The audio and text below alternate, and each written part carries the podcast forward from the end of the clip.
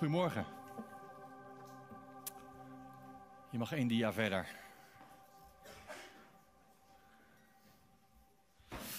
Want God houdt zoveel van de mensen dat hij zijn enige zoon aan hen heeft gegeven.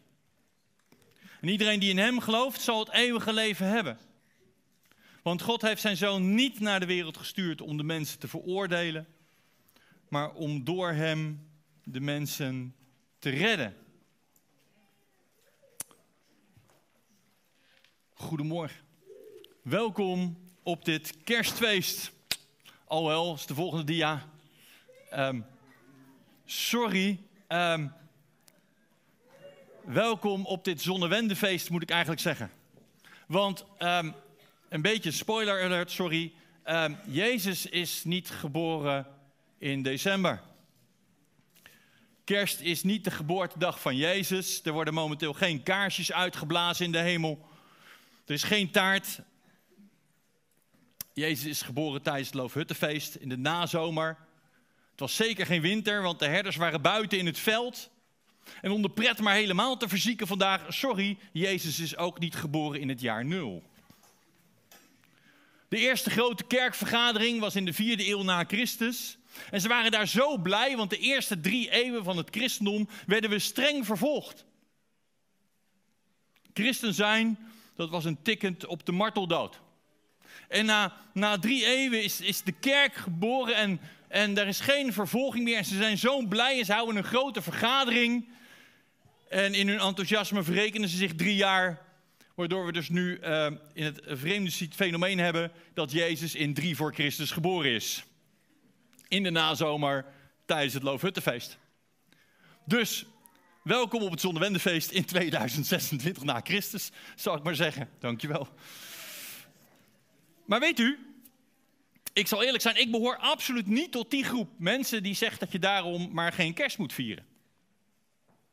Nee, we moeten juist kerst vieren. Juist nu en juist hier en nu. Want Jezus is geboren en iedereen mag, sterker nog, iedereen moet dat weten. Hij is de redder van de mensen. Zonder Jezus is je kerst mis. Dat is de volgende dia. We moeten niet stoppen omdat het ooit een of andere heidense traditie was. Nee, we moeten doorpakken, we moeten uitpakken, als u het mij vraagt. Weet u hoeveel Nederlanders er alleen vandaag naar de kerk gaan? Misschien bent u ook wel aan uw haren of aan uw baard hier naartoe gesleept, zou zomaar kunnen. Maar het is dan fantastisch, want dan kunt u kijken hoe gezellig en hoe fijn het hier is. En dan kan ik u verklappen, u hoeft niet alleen met kerst te komen, u kan hier gewoon iedere zondag komen. En ik kan nog reclame maken ook, want u kan niet alleen op zondag komen. We hebben hier ook allerlei pop-ups. En aankomende vrijdag kunt u vanaf half negen hier allemaal bordspellen komen doen. Het is hier fantastisch. Welkom. We kunnen dit feest gewoon gebruiken om eens even flink ongegeneerd reclame te maken voor onze redder en Heer. Zonder Jezus is je kerst mis. Weet u, ik snap de monniken en de zendelingen die naar Europa kwamen en die het, zonnewend, die het zonnewendefeest gebruikten om Jezus bekend te maken. Ik snap die gasten. Ik snap het. Sterker nog, ik denk dat we dat vaker zouden moeten doen. Iets uit de wereld gebruiken om te laten zien hoe groot, hoe tof, hoe geweldig Jezus is. Dat deed Paulus ook. Paulus liep in Athene en hij zag er allemaal afgodsbeelden. En in plaats van dat hij zoiets had van afgodsbeelden, oh, daar wil ik echt helemaal niks mee te maken hebben. In plaats daarvan zei hij, toen hij een beeld zag voor de onbekende God, zegt hij: Dit is mijn God. En in het Oude Testament noemt God zich de El Elohim, wat letterlijk vertaalt de God boven alle andere goden. En in plaats van Paulus zei van, hier wil ik niks mee te maken hebben, en de stof van zijn schoenen houden, zei hij, hier ga ik spreken. Hier ga ik Jezus brengen. En dat deden die monniken en die zendelingen die in de eerste eeuwen naar Europa kwamen ook. En wat was dat zonnewendefeest nu eigenlijk? Wat was dat zonnewendefeest? Nou, toen de eerste zendelingen en monniken afreisden naar Europa om Nederland over Jezus te vertellen, toen hadden de stammen hier veelal natuurreligies. Wat zoiets inhoudt als alles wat ze niet konden verklaren in de wereld om hen heen, dat was het werk van goden en machten. En nu lachen we daar natuurlijk om. Ja, die domme voorouders van ons toch. Ja, oké. Weten wij nu alles beter dan? Ah, nee, nee, wij hebben de wetenschap. Uh, sorry, beste mensen, maar wetenschap is ook gebaseerd op aannames. Er zijn nog heel veel dingen die we niet kunnen verklaren. En laten we maar beginnen bij het belangrijkste wat we niet kunnen verklaren. U en ik bestaan gewoon uit water, zoutjes en suikers. Hoe kan het dat wij leven? Uw lichaam is gewoon te koop in de bouwmarkt. Hoe kan u dat u leeft? We hebben geen flauw idee. We kunnen allerlei prachtige formules hebben, fantastisch, maar we weten het gewoon niet. En bijvoorbeeld de medische wetenschap. Auke en ik hadden ooit een keer een gesprek met een arts. En die zei: Ik heb allerlei prachtige Latijnse benamingen. die heel duur klinken voor allerlei lichamelijke klachten. waar we geen flauw idee hebben waar ze vandaan komen. Hij zegt: Vertelt u het alsjeblieft niet verder in het ziekenhuis. Wij met onze grote monden weten we het nu al zeker, of doen we maar alsof? Hebben we wel zoveel grip op de wereld om ons heen? Hebben we wel zoveel grip als we onszelf graag zouden wijsmaken?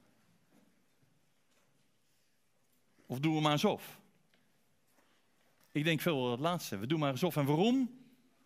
Uit angst. Want net zoals onze verre voorouders uit angst allerlei zaken die ze niet begrepen probeerden te verklaren als goddelijke machten die aan het strijden waren, zo proberen wij ook alles angstvallig om ons heen te verklaren. Om maar grip, om maar houvast te hebben in dit soms zo grillige leven. Want zo leef je en zo ben je dood. En waren onze voorouders wel zo dom?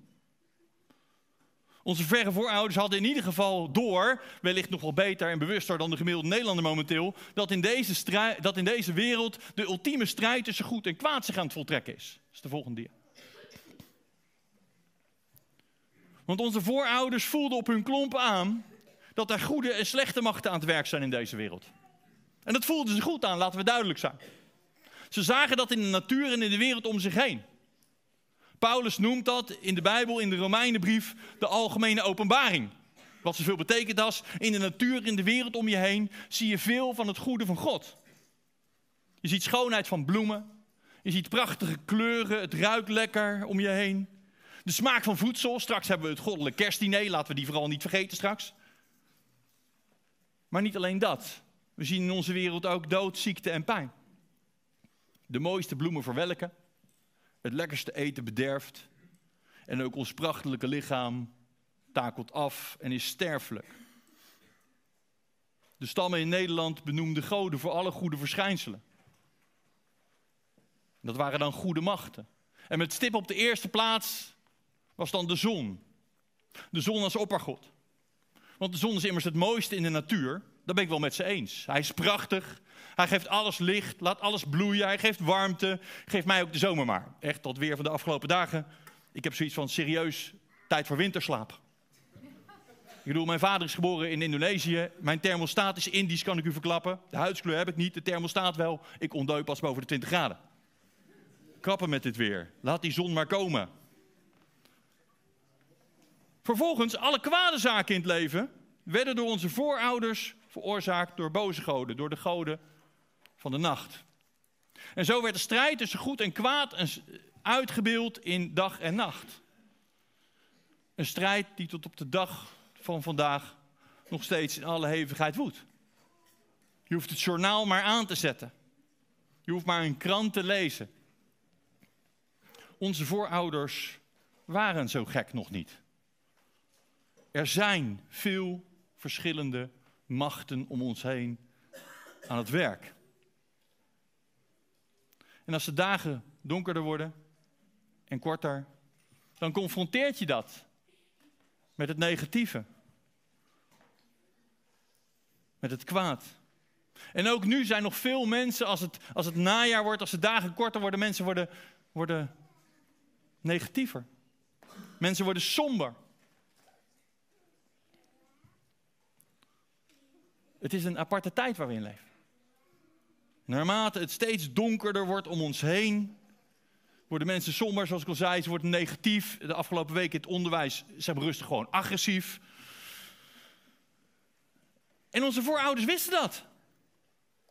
En nu zijn de dagen het kortst en het meest donker. En dus dachten ze, weet je wat, het is gewoon tijd voor een feestje. Tijd om ons weer even te focussen op het goede. Want vanaf nu af aan worden de dagen weer langer. We hebben de kortste dag gelukkig weer gehad. Vanaf nu af aan komt er weer meer licht. Straks wordt het lente, wordt alles weer groen. Dan wordt het zomer, dan is er weer oogst. We vieren het licht, want de zon wendt zich weer. We vieren de geboorte van de zon. En hoe deden ze dat? Nou, ze gingen het bos in. Ze haalden een groene boom, een dennenboom uit het bos. Die versierden ze. Want als teken dat straks alles weer groen wordt. Ze gaven elkaar cadeautjes. Ze bakten krakelingkoekjes die ze aan elkaar gaven. Ze gingen veel herrie maken en veel vreugde vuren om ook de kwade machten weg te jagen en je te focussen, de aandacht op het goede in een donkere wereld. En daar komen zo'n beetje al onze kerst- en nieuwjaarstradities vandaan.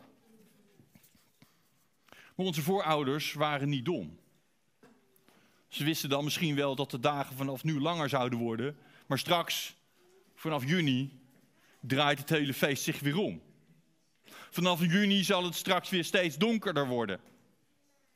En zo volgen de jaargetijden zich op en voelden velen zich een nietig mensje die gevangen zat in een wereld. Een speelballetje van de machten om hen heen. Een klein bootje op de woeste golven van een grote oceaan. Gevangen in het grillige leven hier op aarde waar je geen grip op kan hebben. Een speelbal van machten. Is er nou echt zoveel veranderd de afgelopen 2000 jaar? Want wat stel ik voor? Wat stelt mijn leven voor? Het kan zo over zijn. En wat heeft 2023 ons nou gebracht? De armoede neemt toe. De honger neemt toe. De oorlogen komen dichterbij. Klimaat verandert en niet ten goede. Aardbevingen, natuurrampen nemen toe. Om er niet over je lichaam te spreken. Er zijn weer een aantal lege stoelen bijgekomen dit jaar.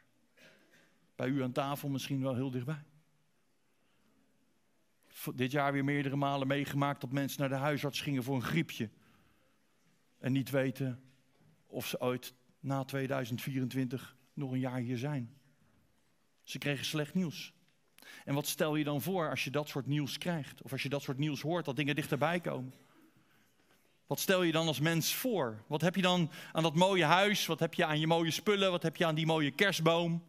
Je hebt geen grip in dit leven, laten we gewoon eerlijk zijn. En heel veel mensen toen en nu zitten gevangen in angst. Want we kunnen onszelf heel wat wijs maken. Maar je hebt geen grip in dit leven. En toen in de eerste eeuwen na Jezus' geboorte de zendelingen naar Nederland kwamen om ons het prachtige nieuws van Jezus te vertellen, toen keken ze naar het zonnewendefeest. En toen zeiden ze, je moet niet vieren dat de, geboorte, dat de geboorte van de zon moet je niet vieren. Nee, je moet vieren de geboorte van de zoon. Want Jezus is het licht. Hij is een licht dat nooit meer dooft. Een licht dat niet meer minder wordt omdat er een soort jaarwisseling is. Nee, een licht dat je grip op je leven kan geven, dwars door een donkere wereld heen. Je bent geen speelbal van het lot of van allerlei machten. Je bent een geliefd kind van God, was de boodschap. En God heeft alles voor over gehad. Hij heeft er alles voor over gehad om hier en nu met jou in relatie te kunnen leven. Je bent niet alleen. Met Hem heb je grip op het leven. En daarom is kerst Gods D-Day, dus de volgende dia. Stukje geschiedenis, 6 juni 1944 landde de geallieerde troep op het strand van Normandië. En iedereen wist, de Tweede Wereldoorlog is voorbij. Hitler heeft verloren. Maar het duurde nog ruim een jaar. Met onder andere een brute hongerwinter. En heel veel veldslagen. En heel veel bombardementen. En heel veel doden. Maar iedereen wist, na 6 juni, de Tweede Wereldoorlog is voorbij. Met kerst werd Jezus geboren in Bethlehem. Jezus is Gods D-Day. Hij is Gods invasie in deze wereld. De redder is geboren. En hij heeft gestreden. Maar hoe anders dan wij het misschien voor ons zouden zien. Ik wil met u lezen een stuk uit Jezaja 53. Jezaja was een profeet die leefde nota bene in de 8e eeuw voor Christus. In een hele donkere tijd. Echt een lugubere tijd zou je rustig kunnen zeggen. En hij kreeg van God een doorkijkje naar wie Jezus is. En wie Jezus zou zijn. En ik wil ik graag met u lezen, dat hoofdstuk. Hij zal ook op de beamer staan. Jezaja schrijft het volgende. Wie gelooft wat ik heb gezegd? Wie heeft werkelijk begrepen hoe machtig de Heer is? Zijn dienaar, en dan heeft hij het over Jezus, groeide bij hem op als een buigzaam jong takje. als een wortel uit kurkdroge grond. Jezus, hij zag er niet bijzonder uit, zodat we iets van hem verwacht zouden hebben. Als we naar Jezus keken, zagen we niets bijzonders. Niemand wilde iets met hem te maken hebben. Hij werd door iedereen in de steek gelaten. Hij kende pijn en verdriet en ziekte. En de mensen draaiden hun hoofd weg als ze hem zagen. We hebben geen enkel respect voor hem gehad. We dachten dat hem dat allemaal overkwam omdat hij door God werd gestraft. Maar hij heeft onze ziekte op zich genomen en onze pijn weggedragen. Hij werd mishandeld vanwege onze ongehoorzaamheid aan God. Hij werd geslagen omdat wij zoveel slechte dingen deden. Hij kreeg de straf zodat wij vrede met God zouden kunnen hebben. Zijn lichaam werd stuk geslagen met de zweep, zodat wij genezing zouden kunnen krijgen van onze ziekte. We dwaalden allemaal rond als schapen die geen herder hebben. We deden allemaal wat we zelf wilden. Maar de Heer heeft al onze ongehoorzaamheid op hem gelegd. Hij werd mishandeld, maar hij protesteerde niet. Hij zei niets, net als een lam dat wordt weggebracht om geslacht te worden. En net als een schaap dat wordt geschoren. Hij werd uit de angst en uit de veroordeling weggenomen. En wie van de mensen van zijn tijd kon het iets schelen dat hij uit het leven werd weggerukt en gedood? Hij heeft de straf gedragen voor de ongehoorzaamheid van mijn volk. De mensen dachten dat hij bij de misdadigers begraven zou worden, maar hij kreeg een graf bij de rijken. Dat was omdat hij nooit iets slechts had gedaan en nooit iets gezegd had wat niet waar was. Maar de Heer had besloten hem helemaal te verpletteren. God maakte hem ziek. Nadat hij zijn eigen leven heeft opgeofferd om ons te bevrijden van onze schuld, zal hij kinderen hebben. En hij zal heel lang leven. Door hem zal de Heer zijn plannen kunnen uitvoeren. En nadat hij zo vreselijk heeft geleden, zal hij ervan genieten dat Gods plan werkelijkheid is geworden. De Heer zegt, zo zal mijn dienaar, die zelf nooit iets verkeerds heeft gedaan, heel veel mensen bevrijden van hun schuld. Want hij zal hun ongehoorzaamheid op zich nemen. Daarom zal ik hem een belangrijke plaats geven bij de machtigen. Hij zal met hen de buit verdelen, want hij heeft vrijwillig zijn leven gegeven. Hij heeft zich laten behandelen als een misdadiger. En zo droeg hij de straf voor de ongehoorzaamheid van heel veel mensen.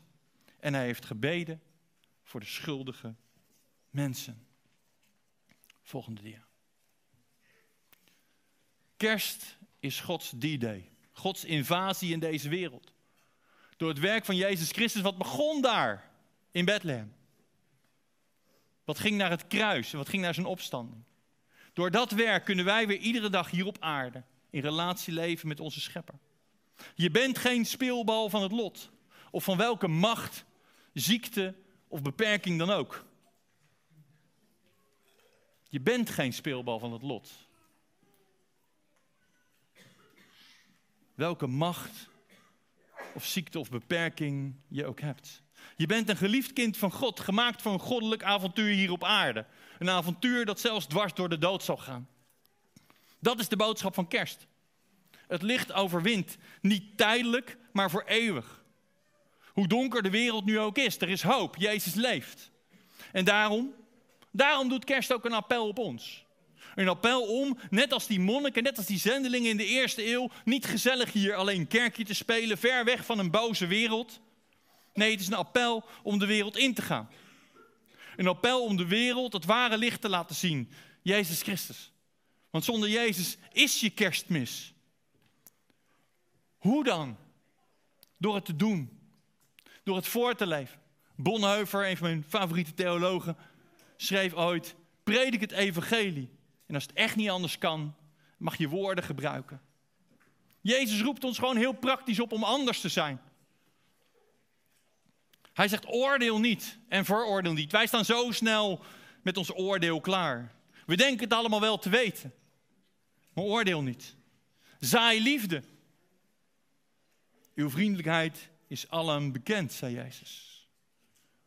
Kerst is Gods D-Day. En we zijn op weg naar V-Day, naar Victory Day. als we de tekenen van de tijd zien, zou dat zomaar eens misschien wel veel dichterbij kunnen zijn dan we denken. Want zodra Jezus terugkomt, zal de aarde zijn zoals hij bedoeld is. Een aarde zonder dood, zonder ziekte, zonder pijn, zonder honger, zonder oorlogen. Maar laten we eerlijk zijn, tot die tijd wordt het pet pittig. De Bijbel voorspelt dat. Danny sprak daar enkele weken geleden duidelijk over. Laat je daar dus niet door verrassen, het wordt pittig. Maar hou vol, de redding is nabij, die day is geweest, er is overwinning. Om met de woorden van Johannes te spreken, het licht kwam in deze wereld en het duister heeft het niet kunnen doven. Dat is kerstmis. Het feest van het licht. Laat uw licht schijnen. Maar hoe dan? U raadt het al. Lees je Bijbel, bid elke dag. Dat je iedere dag genoeg energie hebt om het vlammetje van kerstmis te laten schijnen in een donkere wereld. En laat je niet intimideren omdat het maar een klein vlammetje is. Realiseert u zich één ding. Vele kleine vlammetjes bij elkaar zijn een hele grote fik van Gods geest. Amen. Zullen we met elkaar bidden?